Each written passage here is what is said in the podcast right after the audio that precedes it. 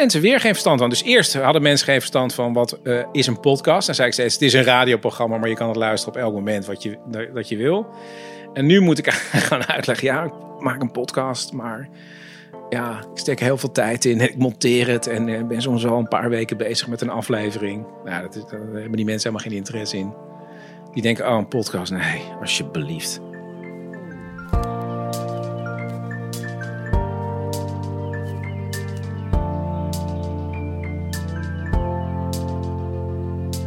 Een podcast over podcasts. Meer meta gaat het niet worden. Mijn naam is Hidde Bruinsma en in deze serie ga ik in gesprek met podcastmakers over hun maakproces.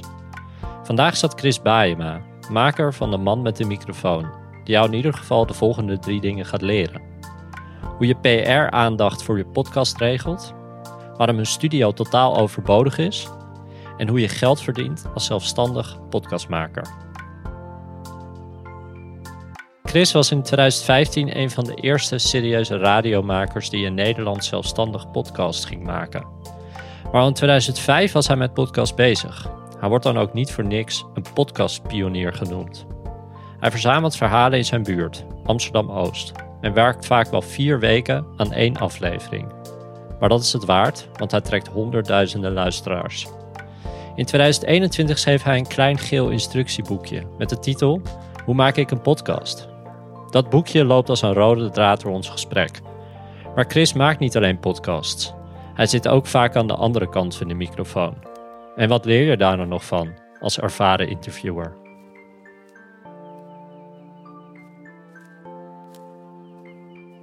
Oh ja, de, eh, eh, het nadeel van mezelf is dat ik heel vaak als een soort meta uh, situatie boven mezelf ga hangen. Van geef ik wel een leuk antwoord of ehm, blijf ik niet te lang praten? heb ik wel echt goed antwoord gegeven op de vraag. Je gaat meer aan jezelf twijfelen. nou ja, ik vraag me altijd af: ben ik een, een, een leuk persoon om geïnterviewd te worden? Dat is het enige wat ik ervan overhoud. En, maar soms leer ik ook wel van ik heb als ik iets teruggeluisterd, ik dacht, ach ja. Je wordt heel vaak gedwongen in een interview om een keuze te maken in je hoofd. Van ja, maar hoe werk je dan? Hoe maak je keuzes? En dan denk je, oh ja, maar ik, ik heb echt wel, zullen maar zeggen, bepaalde ideeën die ook misschien nog wel hout snijden ook. Dus je wordt dan denken gezet? Ja, omdat je ja, in een situatie geplaatst wordt dat, dat je echt vaak keuzes moet maken of uh, dingen moet uitleggen. En vaak uit vragen blijkt al van, oh, maar voor mij is dat heel duidelijk hoe dingen werken. Maar voor beginnende makers of mensen die helemaal niks met radio of podcast hebben, is heel vaak nog niet veel duidelijk. En daar kan je dan iets op zeggen. Ja. En over beginnende makers, ik zie hem daar liggen, het kleine gele boekje.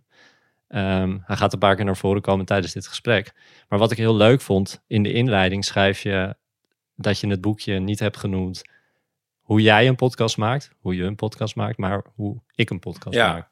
En daardoor heb ik als lezer meteen het idee van... hé, hey, ik heb te maken met een best wel bescheiden schrijver. Klopt dat gevoel?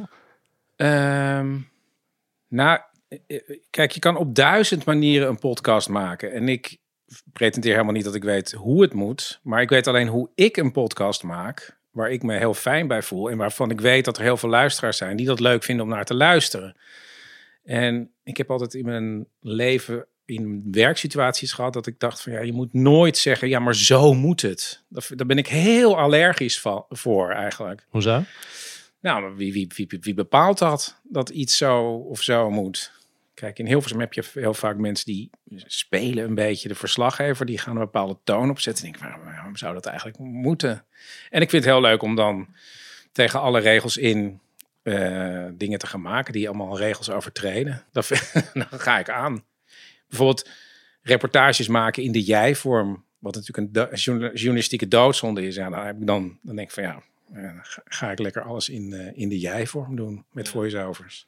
En als er over jou geschreven wordt in de stukken die ik heb opgezocht, gaat het heel vaak over de podcast pionier, de eerste maker in Nederland. Is, is, dat, is dat een label waar, waar je in kan vinden? Of is dat. Nou, kijk, ik begon in 2000. Ik had in 2014 volgens mij het idee wat ik maak, daar is niet zoveel ruimte voor in Hilversum. Ik ga een podcast maken. En ehm, toen dacht ik wel, ja, als ik nu als eerste, een van de eerste serieuze radiomakers begin met een podcast, dat is wel interessant om over te schrijven. En dat is handig voor mij als mensen daarover gaan schrijven, want dan trek ik luisteraars. Dus toen ik met mijn programma begon, heb ik wel heel, heel erg sterk gezocht naar journalisten van jongens, ik ga nu beginnen. Je hebt zelf gezocht naar Ja, ja, gemaild en benaderd. Ja? Ja. Want die kende je allemaal nog niet, de journalisten?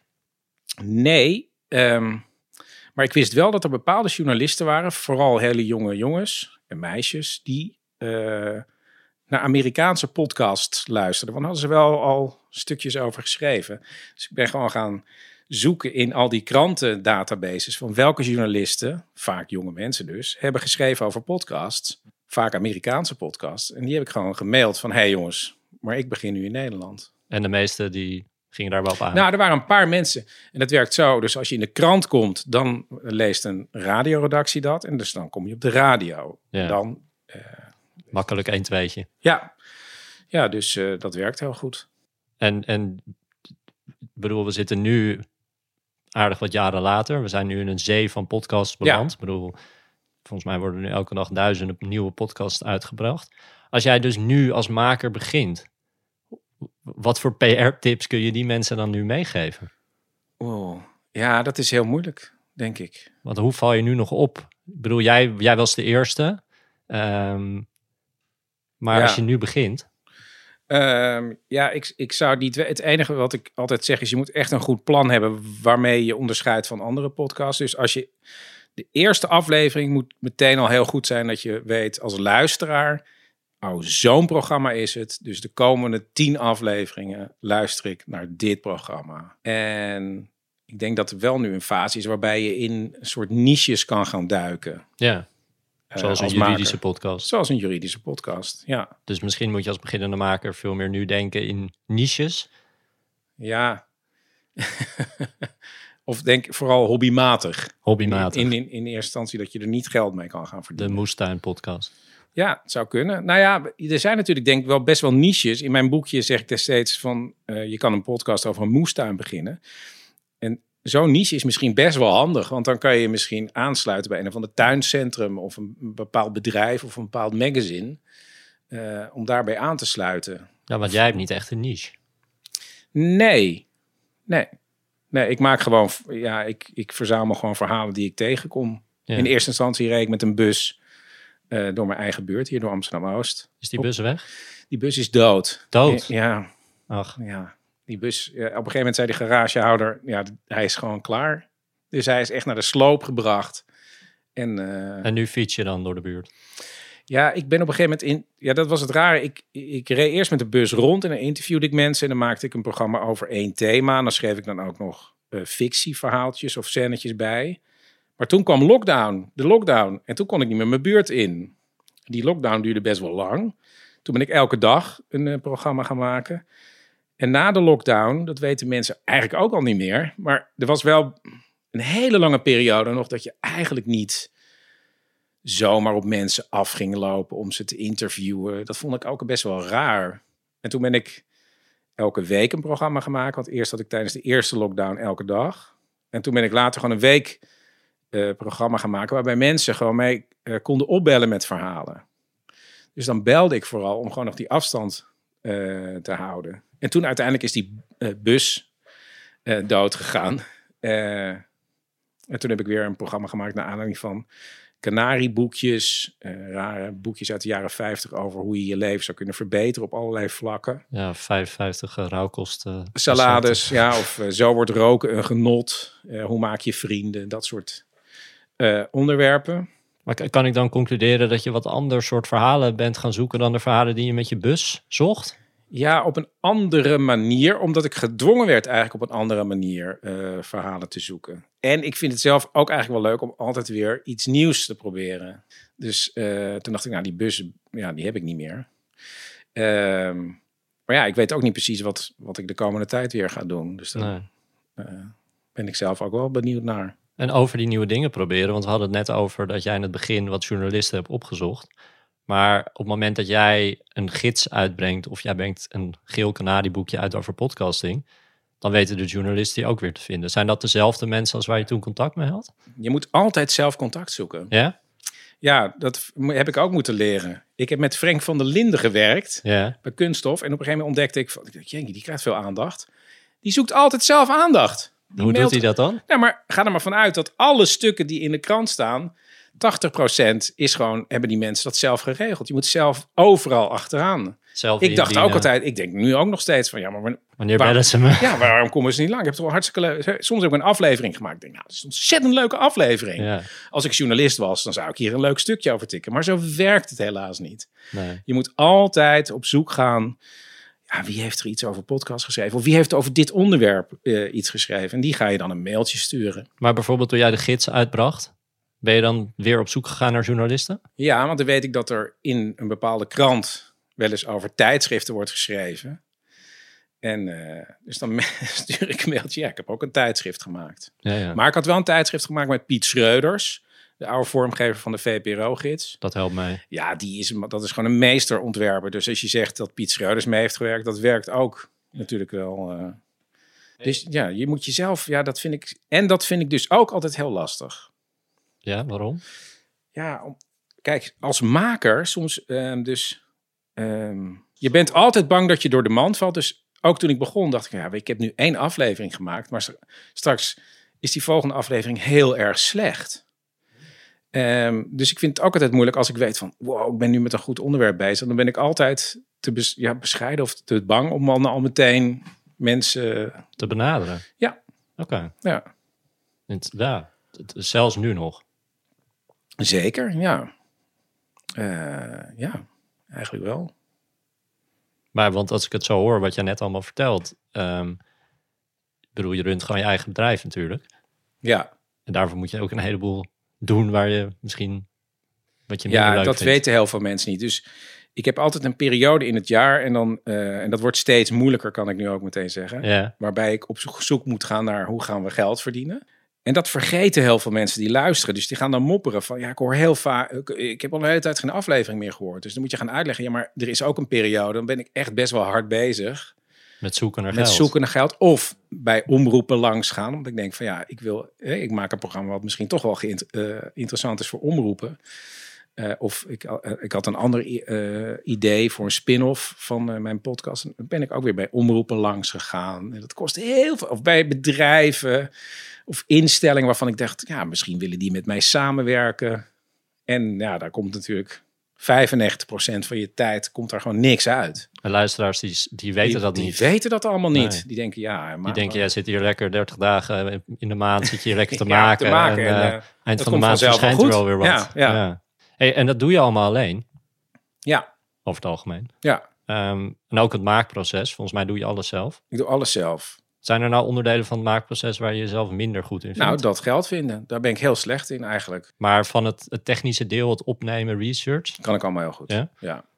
geen dingen waar je denkt, nou, Nee, want ik heb alles zelf in de hand. Dus ehm, als ik kijk, eh, vroeger ging of vroeger, ja, dus ik ga, ga- ging dus dan de straat op om mensen te interviewen. En dacht ik, oh ja, maar dit is een leuk thema, want de- deze meneer vertelt iets over, weet ik veel, over schulden. En die mevrouw ook. Oh, dan kan ik misschien wat andere onderwerpen rondom schulden eh, hebben.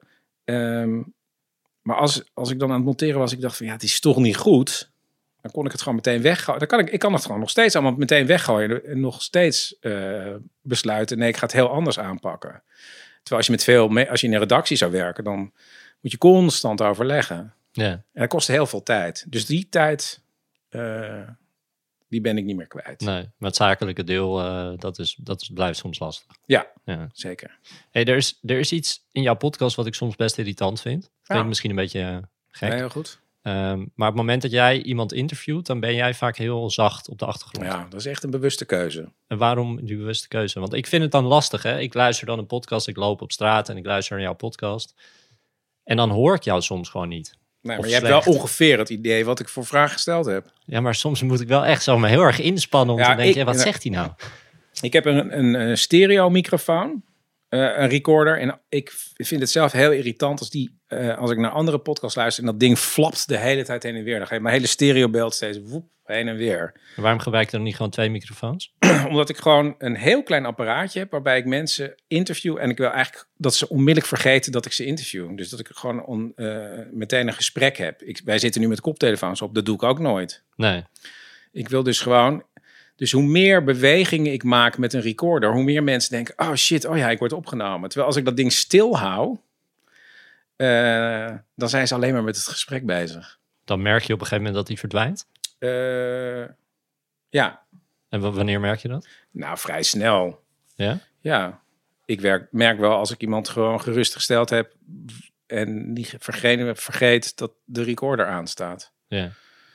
Ja, ik vind zelf altijd heel. Ja, ik vind, ik vind zelf niet irritant. Nee. Maar ik weet dat er veel mensen zijn die het irritant vinden. Ja? Ik praat ook al wat harder dan. Ja, ja dat vaak. wel. Ja, Ja. Dat hoor je wel, Ja. maar...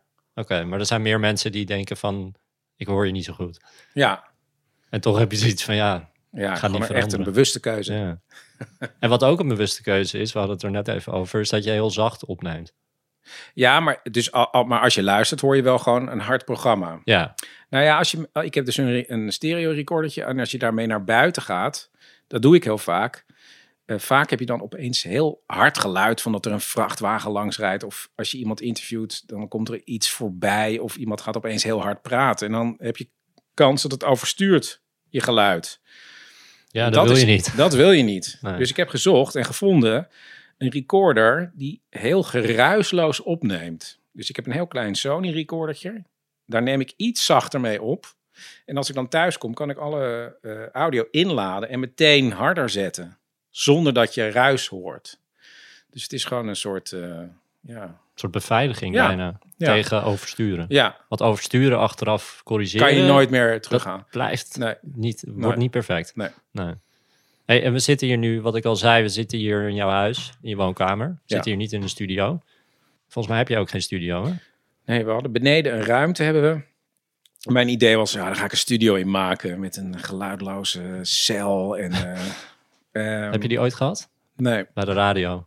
Ja, ja, in Hilversum heb je allemaal van dat soort dingen. Op een gegeven moment zat ik in een klein kamertje erboven.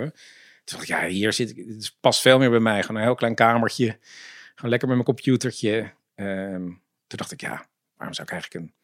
Waar ga, zou ik het voor gebruiken? Ja, omdat het dan stiller is. Dus ik neem heel vaak voice-overs gewoon s'avonds op. Mhm. En ik heb eh, allemaal dingen in mijn eh, kamertje hangen van die ja, schuimrubberen eierdozen onder mijn tafel. Ik heb vilt op mijn tafel. Ik heb eh, ook van die schuimdingen op de muur. En ik heb velour gordijnen gekocht. Persisch tapijtje las, las ik. Perser, persisch tapijtje op de grond. Ja, dus als ik dingen ga opnemen, dan doe ik gewoon mijn gordijnen dicht. En dan zit ik in een hele stille ruimte Ja, op te nemen. Dus- Soms gaat de hond van de buren blaffen. dan moet het even opnieuw. Dan moet het opnieuw. Ja. Ik, Eh, ik heb ook wel eens gehoord van een, een podcastmaker eh, die dan eh, aan thuis aan het opnemen was. En dan ging iemand muziek draaien en dan wist ze niet waar het vandaan kwam. En dan moest ze in de hele straat overal aanbellen om Oh, ja. te vragen van... hey, jongens, sorry, maar ik ben aan het werk. Kan die muziek misschien uit? Ja, ja, dat is irritant. Dus, maar ik weet ook bijvoorbeeld in de straat, onze straat ligt nu helemaal open. Daar zijn ze heel lang bezig geweest. Dus daar moet je echt dan wel rekening mee houden. Dat je denkt, oh ja, ehm voice-over s'avonds. Maar telefoongesprekken kunnen gewoon overdag. Want dan heb ik een apparaat waarbij ik mezelf opneem en aan de andere kant apart degene die ik opbel. Mhm. En ehm, ja, als er buiten een vrachtwagen voorbij rijdt, dat hoor je niet aan de andere kant, zou maar zeggen. Nee, Ehm, en mocht het wel het geval zijn, dan kan ik mijn eigen stem nog wel een keer opnieuw opnemen. maar studio dus onzin, denk je? Ja, studio vind ik echt grote onzin. Zeker voor beginnende makers. Ja, het hebt- staat heel stoer, maar het slaat werkelijk ja het staat vooral stoer. Van, we Ja. zitten met z'n vieren hier in de studio. Ja, ja, ja. Terwijl we nu eh, zitten in onze voorkamer, heb ik de deur- deuren dicht. Ja, prima, toch? Ging prima, boekenkast. ja. Hey, wat je wel nodig hebt, een studio dus niet, maar muziek. Ja, Eh, vind ik leuk wat jij schreef in het Gele Canarie-boekje over podcasting. Haalde jij eh, Ira Glass aan, die zei... muziek is het basilicum van de radio. ja, ja, dus eigenlijk is het... Een reportage is een soort soep, zou ik maar zeggen, die, eh, met allemaal ingrediënten. En, dat, en eigenlijk is de muziek, dat zijn de laatste kruiden die je in je gerecht gooit. Ja, Om het nog, nog lekkerder te maken, nog beter ja. te maken. Maar er zijn veel beginnende makers die moeite hebben met het vinden van muziek... en ook vooral de juridische kant ervan. Ja, ehm, ik heb dat uitgezocht toen ik begon. En eigenlijk heb ik nog steeds hetzelfde abonnement. Ik heb een soort abonnement bij de Buma Stemra voor 157 euro, geloof ik, per jaar. En dan mag ik alle muziek gebruiken die ik wil. Dus ik koop heel veel soundtracks. Ik heb eh, favoriete componisten. Dus die hou ik heel erg in de gaten. Van, oh, dus hebben we weer een nieuwe film eh, muziek gemaakt. En dan, eh, en dan koop ik dat. En ik betaal dus 157 euro eh, per jaar. Maar ik vind het dus, ja, muziek is gewoon heel leuk. En ik zoek, ja, het is heel, soms heel moeilijk. Omdat je denkt van, ja, shit, welke muziek past hier nou bij? En dat zit je dan heel lang te zoeken. Allemaal dingen uitproberen. Allemaal dingen uitproberen. Ja, en dan heb je, ja, ik weet niet of dat... Maar de, de grootste kick is dat je dus een gesprek met iemand hebt. En dan zet je dan een muziekje onder. En dan, terwijl je naar dat muziekje en het gesprek luistert... dan vallen bepaalde dingen opeens helemaal op zijn Ja, plek. ik Dat herken dat wel. hoor. Ja, ja, ik edit wel eens een podcast voor iemand anders. En dan ben ik dus niet bij de opname geweest. En dan zet ik de muziek eronder. En hoe gaaf is het als het helemaal Ja, klopt? En dan, dan denk ik, wauw, dit stukje heb ik nu bedacht. En dat voelt dan zo goed. Ja, Ja. dat je op het, la, op het precies op het goede moment dat het even spannend wordt en dan een stilte en dan gaat iemand weer door met vertellen en dan klopt het helemaal. Ja. Maar 157 euro per jaar en dan mag je Zo. alle muziek gebruiken? maar dat komt omdat ik maar ik ben geen DJ, dus ik gebruik muziek als ondersteunend Ah. element in de podcast. En dat is een andere categorie dan als ik Ja, ja, maar als top jij dus 40 muziek een zou beginnende draaien. maker bent en je denkt, hey, Zoveel is dat niet. neem gewoon dat abonnementje. Ja. En dan kun Ja. je alle nieuwste muziek mag je er allemaal onder zetten. Ja. zo Ja. interessant. Ja. Ehm, we hadden het net al even over de zakelijke kant. En ook zo'n licentie kost geld. Er moet natuurlijk wel Ja. iets van geld verdiend worden. Eh, ik heb vijf verdienmodellen. Ehm, ja, Oh, wat goed. Nou ja, die Misschien jij- kan ik wat voor je leren. nee, die jij al gebruikt. Oh. Ik heb vijf verdienmodellen geïdentificeerd die ik even met je wil Oh, doornemen. Jammer, jammer. Ja, sorry. Maar we kunnen zo meteen na de opname nog wel even van gedachten wisselen. Ehm, de eerste zijn de advertenties voor iedere aflevering. Ja, maar dat is eigenlijk als laatste gekomen. Maar ehm, dus ja, er worden losse advertenties verkocht voor mijn eh, podcast. En dat doet Dag en Nacht Media. En dat zijn eigenlijk eh, eh, advertenties. Dan zegt een bedrijf bijvoorbeeld... Oké, we willen 15.000 downloads. Dus zodra er 15.000 downloads ergens in mijn eh podcastfeed zijn geweest... dan verdwijnen die weer. Ja, dan gaan ze er automatisch uit. En dan komt er weer nieuwe. Ja, dat hoop je dan. Ja, maar dat moeten zij, dat moet ook moeten zij weer voor mij gaan regelen. Ja. ja. En je schreef in je boekje 1250 euro per 50.000 Ja. downloads. Is dat, Dat, ze- dat heb ik gewoon maar gezegd, Ja, volgens ja. mij. ja, dat is geen gangbaar dat- bedrag?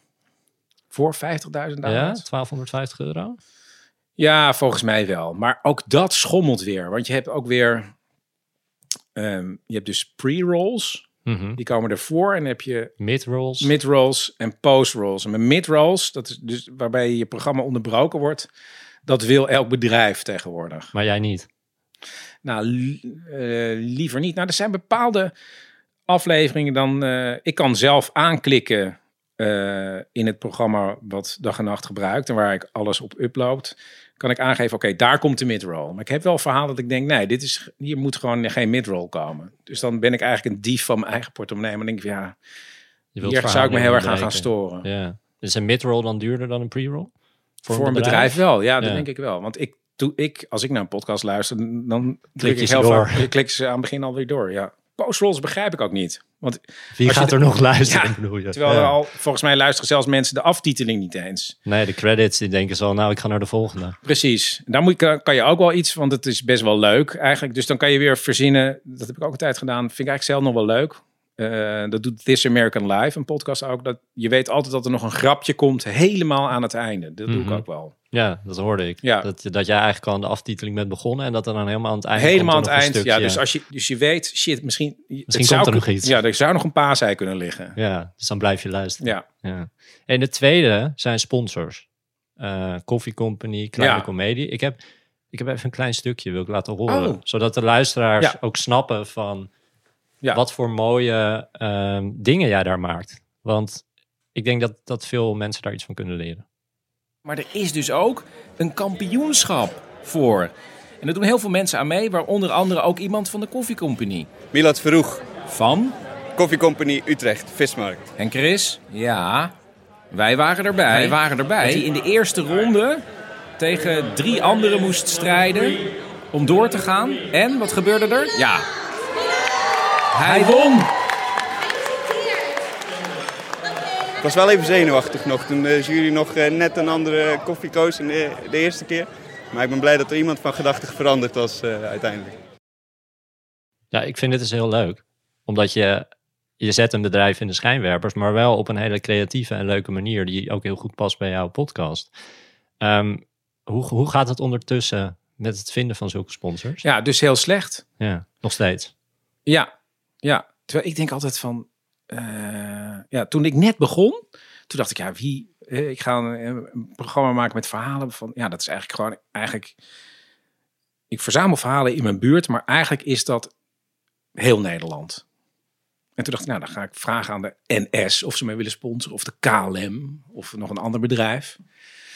Nou, nul op het request. En jaren later, of drie jaar later, hadden al die bedrijven hun eigen branded content. Ja. Waar niemand naar luistert. Of heel weinig mensen Maar ze luisteren. willen een podcast. Ze willen een podcast. Dus dat is een beetje het moeilijke van mij. Ik denk nog steeds, ja, als je bij mij in die podcast zit, als, want de Coffee Company is bijvoorbeeld heel erg blij, nog steeds, dat ze mij gesponsord hebben. Ja, Eh, een kleine comedie ook. Als je bij mij erin zit, dan heb je heel veel luisteraars en dan zit je, ja, dan, dan, dan zit je in mijn gebed. En het is een ander gevoel voor iemand om naar een branded content te luisteren of naar een programma. Maar je moet niet vergeten, toen ik net begon, toen zei ik, ik ga een podcast beginnen en die wil ik ook laten sponsoren en ik wil advertenties, want de Amerikanen waren mijn grote voorbeeld. Maar er werd heel erg huiverig naar gekeken van, hé, maar eh, waar is je journalistieke vrijheid dan? Ik denk, oh shit. En dus toen heb ik heel goed nagedacht. Toen dacht ik, oh ja, nu moet ik voorkomen dat er op een gegeven moment een sponsor is die helemaal niet bij me past. Dus daarom heb ik de Coffee Company in eerste instantie gezocht, omdat ik daar altijd zit. En ik vind het gewoon een heel leuk bedrijf. ja. En ehm, ik had het geluk dat ze één jaar sponsorden en daarna nog een jaar wilden sponsoren. Eh, omdat ze, ja, ze zouden eigenlijk worden overgenomen op dat moment. ja maar dat ging dacht niet door. Dat ging niet door. Eh, dus had ik heel veel geluk mee. En het waren, ja, dat zijn gewoon echt hele leuke mensen. Dus die lieten me heel erg vrij. En dan belde ik weer op. Ik zei, nou, hebben jullie nog iets leuks? Toen zeiden ze, ja, nou, Justin Bieber is bij ons in Ja, filiaal een geweest. fragment. Ja. Die reconstructie die je Ja. toen hebt gemaakt. Ja, ja. Toen heb ik een reconstructie gemaakt van Justin Bieber, die bij de Coffee Company een, eh, een café latte ging halen. Ehm, dus eigenlijk alleen maar om mensen te laten wennen, de, lu- de luisteraars van oké, ik kan het niet maken zonder gesponsord te worden. Ehm, Maar ik denk dat luisteraars het ook niet erg vinden. Want Helemaal het zijn hele niet. leuke fragmenten. Maar het zijn dus de bedrijven die nog steeds zoiets hebben. Ja, we gaan niet meedoen. nee, dus die willen. ehm, Die willen hun eigen podcast. ja, bedrijven willen hun. Ja, het is echt een dingetje geworden. Ze willen allemaal hun. We willen ook een eigen podcast. Ja. Ja, ik geef ook heel veel les. En dan zie ik ook mensen die zijn dan door hun bedrijf gestuurd Om een podcast te om gaan een maken. podcast te gaan maken. Ja. Ja. En en wat je zei net van dat zakelijke deel vind ik, ben ik niet zo goed in. Ik vind het misschien ook niet zo heel leuk. Nee, natuurlijk, Ja. ik wil maken. Maar Ja, ik weet ook wel. Dus toen ik begon, toen had ik niet eens een sponsor. Nee. Toen ben ik begonnen met eh, zo'n crowdfund-actie bij Voor de Kunst.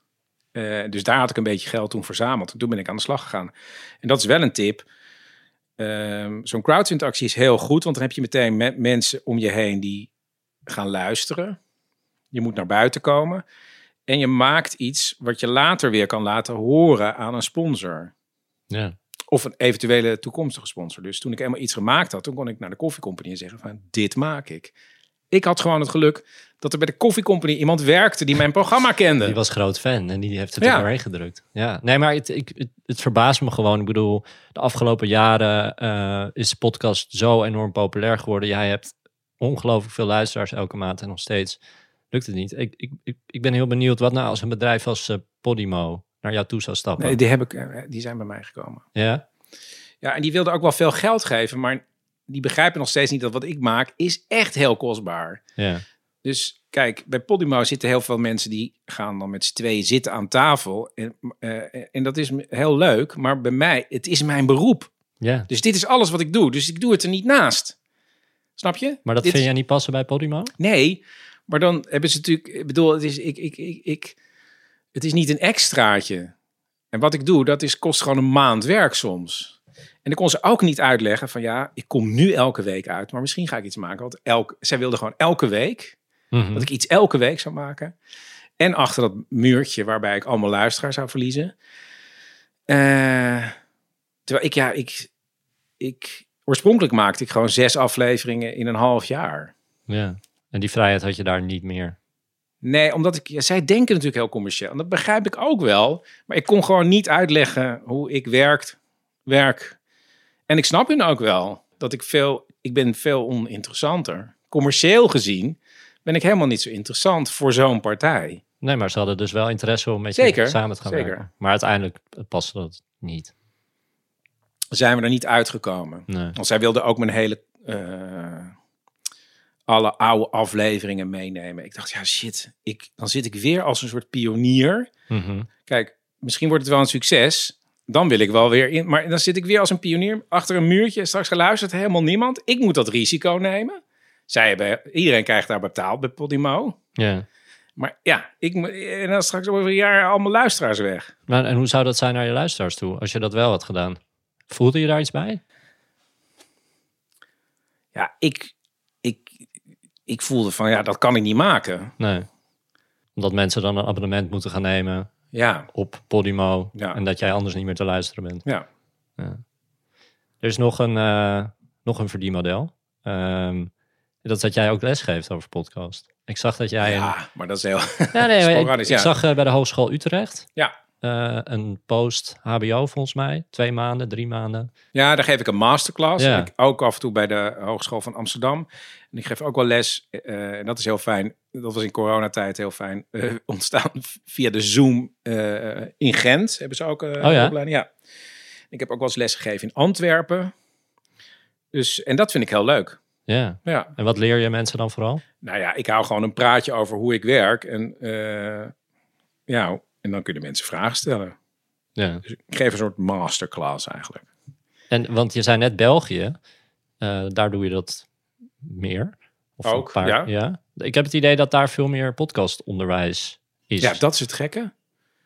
Daar hebben ze heel goed podcastonderwijs, maar daar hebben ze veel minder kans op de radio om hun product weg te zetten eigenlijk. Ja? Inmiddels is het in Nederland ook heel eh, schaars. Je bedoelt Maar dat ze- een hele, je had een hele goede radiodocumentaire opleiding eh, in Brussel en in Antwerpen.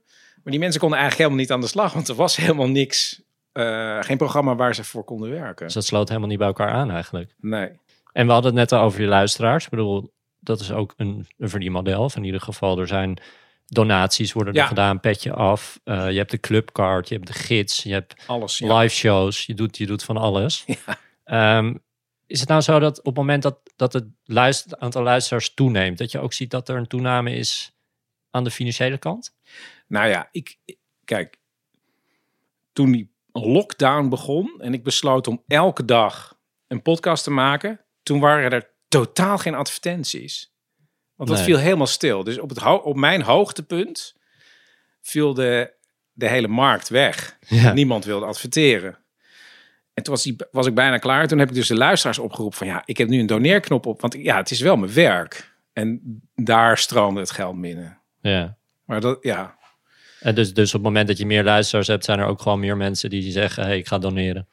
Eh, ja, maar ik denk toch dat de luisteraars niet doorhebben eh dat het echt van ze, van, ook van hun op aankomt. Nee? Ik denk dat, dat, Want je zegt het wel bijna elke aflevering. ja, maar toch denk ik, en ja, dus dat is wel lastig. Ja, Dat zou toch nog duidelijker bij ja mensen... maar hoe moet je, ja, Ja. maar Dat moet misschien groeien. Ja, het zou kunnen. Hoe, hoe, hoe, ik weet niet, luisteren Nou ja, ik ben natuurlijk, mensen. kijk, ik ben een omroep in mijn eentje en dat is Ja. ook wel lastig. Weet je wel, het is heel moeilijk.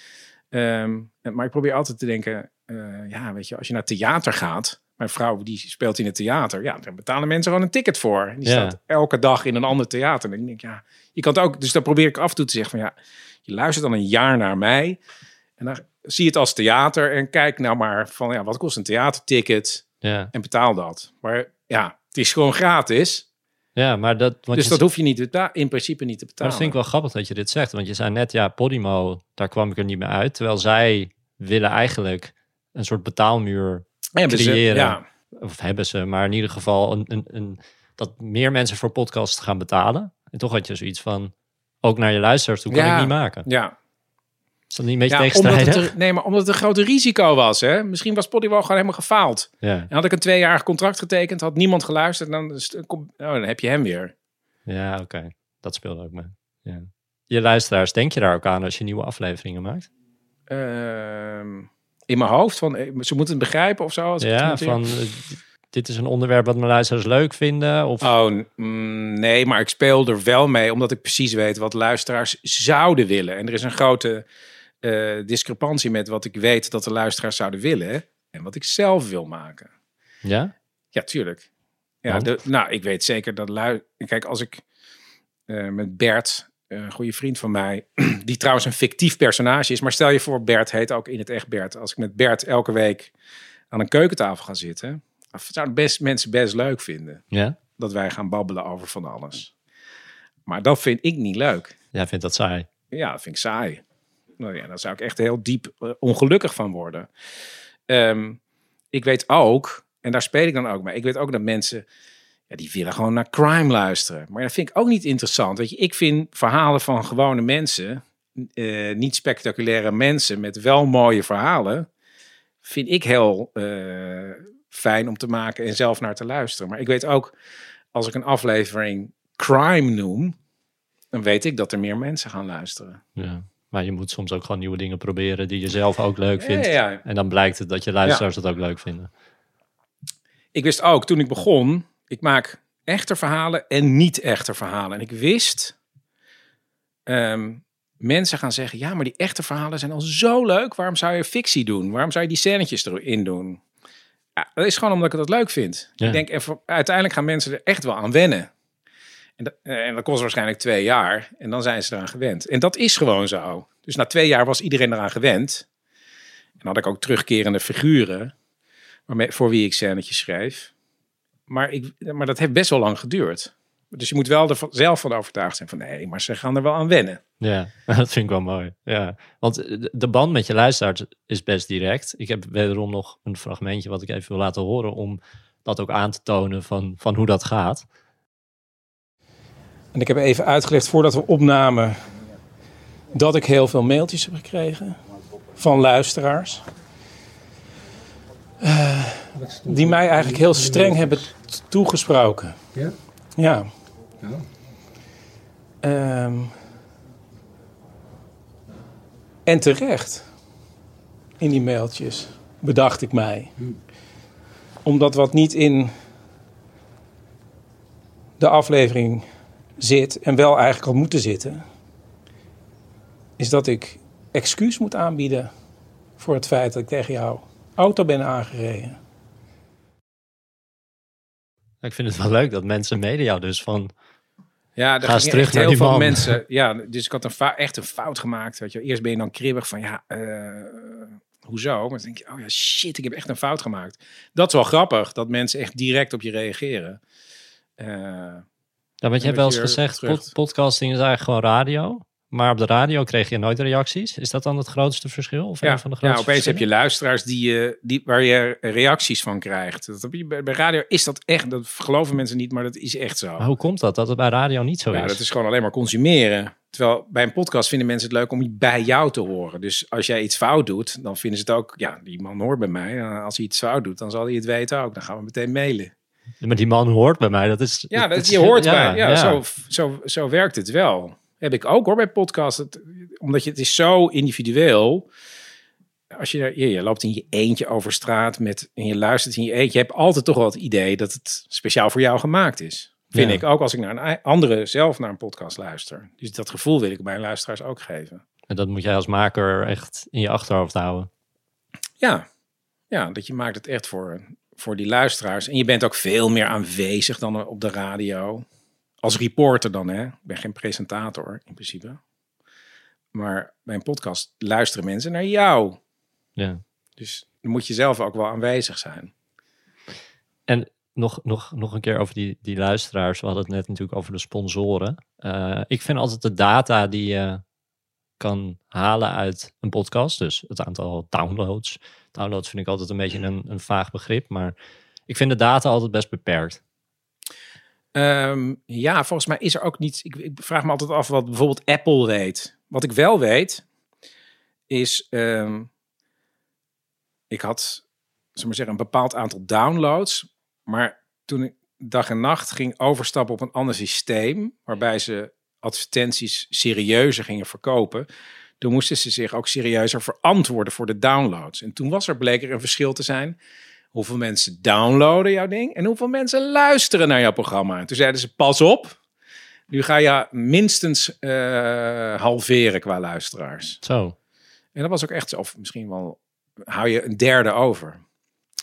Dus, want, eh, want bedrijven wilden weten, ja, wordt die echt helemaal geluisterd? Ja. Dus volgens mij, ik denk dat het zoiets is dat als 90% afgeluisterd is, dan telt het als een hele aflevering. Ja, ja, ja. Maar ik ben wel benieuwd, want je zei al, ik heb de kleinste omroep van Nederland. En die omroep heet Man met de microfoon. Of in ieder geval zo heet ook je podcast. Ja, Eh, maar er is natuurlijk ook een man zonder de microfoon. Wat, wat zijn de grootste verschillen tussen die twee eh, personen? Oh, de, eh, ik in mijn normaal. Nou ja, kijk, als je, zodra ik een microfoon in handen heb, durf ik veel meer. eh, is ook de afspraak tussen degene die tegenover mij staat dat ik eh, brutaler mag zijn, directer mag zijn. Want ja, ik heb immers die microfoon in mijn handen. En mensen weten dat ook wel. Hè? Dus als ik mensen op straat interview, dan en ze zien dat ik eh, een microfoon heb en vergeten mensen, maar dat is meteen duidelijk voor die mensen ook van ja, ik word geïnterviewd. Dat gaat, weet je wel. Maar deze meneer die heeft de regie over het gesprek. Ja, dus ja. En als je geen microfoon hebt, hoe, Nou, ik ga niet gewoon zo lukraak mensen aanspreken op straat. Van, Nee? nee. als jij bij de bus staat te wachten, dan ga je niet een praatje aan. eh, Nou, heel, soms, soms. maar die microfoon is gewoon mijn excuus om iedereen eh, te kunnen aanspreken. Ja, je bent volgens mij ook wel eens met een camera erbij op stap geweest. Hoe Dodelijk. dodelijk. Ja. Ja. ja, toen ontdekte ik echt de kracht van mijn werk. Omdat ik ook altijd dacht van ja, de, volgens mij spreek ik wel andere mensen dan ik op tv zie. Weet je wel? Hoor je bij mij andere verhalen dan je op de tv zou zien. En toen had ik een keer, of ik heb een paar keer zo'n cameraploegje gehad. Die dan meeliep. Nou, dan krijg je een cameraploeg, een regisseur, een geluidsman. Dus een cameraman, een regisseur en een geluidsman. En ik. Dan ben je al met z'n vieren. Niemand wilde met me praten. Nee. Echt niemand. Terwijl in mijn eentje ben ik heel onbedrijf. Ja, Nou ja, wat je net al zei, Ja. die microfoon moet een beetje verdwijnen tijdens het Ja. gesprek. Maar als jij met vier man om iemand heen staat, dan wordt dat natuurlijk ingewikkeld. Ja, kijk, en er is nog een andere tip. Als je in je eentje bent, ja, je kan ook een beetje uitstralen alsof je gewoon ehm, min of meer van het plaatselijke suffertje bent. Want dan ben je helemaal onbedreig, onbedreigend. Dus weet je, wel, als je, Maar je bedoelt dat niemand er naar luistert? nou ja, als ik gewoon overkom als gewoon, hé, hey, dat is gewoon een hele aardige, vriendelijke man. Ze weten niet hoeveel mensen er luisteren. Nee, dat zeg je ook niet. Nou, dat zeg ik later wel van. eh, een gegeven moment had ik wel de behoefte om te zeggen: ja, maar er luisteren inmiddels best wel veel mensen naar. Dus. Maar ehm, ja. En het goede van in mijn eigen buurt werken is dat je, je. Je bent ook gewoon heel eerlijk tegen de mensen die je interviewt. Ik bedoel, het is niet zo dat ik wegga en in, eh, à la Ivonie nog een filijne eh voice-over inspreek over Phil Collins die ik geïnterviewd heb. Eh, Want die zie ik toch nooit meer. Deze mensen zie je nog. Deze mensen zie ik nog, want eh, als ik de hoek omga, dan kan ik ze tegenkomen. Dus eh, eh, ja, dan, dan moet je goed omgaan met het verhaal wat ze jou verteld hebben. Ja. We gaan richting het einde van het gesprek. Ik heb nog twee vragen. Er was recent een collega podcastmaker voor jou. Nou, er zijn ondertussen een heleboel, maar dit was wel iemand met een podcast die heel veel beluisterd was. Rijn-Jan Prakke heet hij. Hij schreef een artikel waarin hij uitlegt waarom hij een hekel heeft aan het woord podcast. Hij vindt namelijk dat het woord podcast toch een beetje synoniem staat bij veel mensen voor een iets wat goedkoop geproduceerd gesprek tussen twee BN'ers. En op het moment dat hij tegen iemand vertelt wat hij doet, zegt hij: Ik maak audiodocumentaires. En hij, Ja, het zou kunnen zijn dat ik dat punt ook ga bereiken. Want in het begin moest ik uitleggen wat een podcast is. Ja. En moet ik, nu moet ik uitleggen dat ik niet zo'n podcast maak als waarvan mensen denken dat het een podcast is. ja, dat is wel een is interessante ontwikkeling. Ja, is een heel groot nadeel inmiddels. Ik merk het nu, Ja. dat is een heel goed punt. Eh, ik merk het nu als ik mensen mail. mhm. Wat voor hey, mensen? Nou, ik had laatst een, eh, een, een, eh, verhaal gemaakt over eh, spreekkoren bij voetbalwedstrijden. Omdat ik had gelezen in een boek dat er eh, Ajax-supporters een, een nummer zongen over Johan Cruijff. En toen dacht ik, ja, dat, dat is gelogen, dat bestaat niet. En toen heb ik dus Ajax gemaild, maar ik merkte meteen, ah, podcast is echt heel iets anders. Dus waar vroeger, als ik drie jaar geleden gema- eh, gemaild had naar de Ajax fansite van, hey, ik heb nog wat vragen, kan ik je bellen, had ik nog gezegd. Uh-uh. Nee hoor, dit was het. Ja. Ja, dus dat is inderdaad. Dus dan zou je een- gevoelig zeggen, ik maak een Nee, audiodocumentaire. want, hoezo audiodocumentaire? Gewoon een podcast. Ja, dat is moeilijk. Nee, maar dan moet je dus uitleggen van wat voor soort podcast het is. Ja, maar nu zeg ik, een, dus ik had al gekeken van in die mail stond ook verhalende podcast. Nou, daar hebben mensen, mensen weer geen verstand van. Dus eerst hadden mensen geen verstand van wat eh, is een podcast. Dan zei ik steeds, het is een radioprogramma, maar je kan het luisteren op elk moment wat je, dat, je wil. En nu moet ik gaan uitleggen, ja, ik maak een podcast, maar ja, ik steek heel veel tijd in. Ik monteer het en eh, ben soms al een paar weken bezig met een aflevering. Nou, dat daar hebben die mensen helemaal geen interesse in. Die denken, oh, een podcast. Nee, alsjeblieft. Maar als het aan jou ligt, zou het wel goed zijn als er op een gegeven moment misschien wat verschillende categorieën termen. Nou, er is één hele grote eh, categorie. Dat is de, de, de, de chatcast. En Ja. dan, ja, dan dobberen daar een paar kleine niches onder. kleine eilandjes Ja. omheen. Ja, ja. En als je nou terugkijkt op het hele proces van eh, geen ruimte in Hilversum voor een podcast idee of eh, voor, voor een podcast. Je moeder die ging flyer in de trein om je ja, podcast steeds te mij. promoten. Ja, zeker. ja. Ehm, En iedere dag podcast tijdens corona. Wat, wat zijn dan voor jou de belangrijkste dingen die het maken van podcast je hebben opgeleverd? Ja, ik heb zoveel eh, geleerd, omdat je, ja, je moet. eh, ik wilde een programma hebben, dus ik wilde geregeld uitkomen. Wat als documentairemaker heel moeilijk was bij radio. Moet je elk los documentaire idee indienen. Heel lang wachten, ja of nee, dan gaan maken. Ik kon nu blijven maken en ik kon ook ontdekken. Oh ja, ik, ik kan zelf het zo lang mogelijk maken als ik wil. Of ik kan het uitspreiden over meerdere afleveringen. Of nou ja, als een verhaal acht minuten duurt, hoef ik niet in vijf minuten te proppen, zoals op de radio. Dus dat, dat ik heb vrij snel dat ik dacht, oh wauw, het biedt me- veel meer mogelijkheden eh, als maker om eh, ja, gewoon te maken wat ik zelf leuk vind. Zonder dat ik steeds moet verantwoorden of toestemming moet vragen.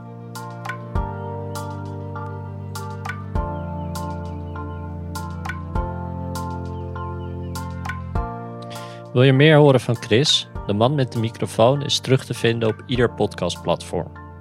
Houd bovendien zijn website in de gaten voor nieuwe projecten. Daarnaast is hij actief op Instagram, al vindt hij zichzelf daar niet zo goed in. Mijn naam is Hidde Bruinsma en ik maak deze podcast in samenwerking met NL Stenden. Heb je een vraag voor mij? Stuur dan een mailtje naar info.hiddebruinsma.nl Wil je de lessen uit deze podcastserie nalezen? Voeg mij dan toe op LinkedIn, waar ik voor iedere aflevering een slideshow met inzichten deel. Bedankt voor het luisteren en tot de volgende keer.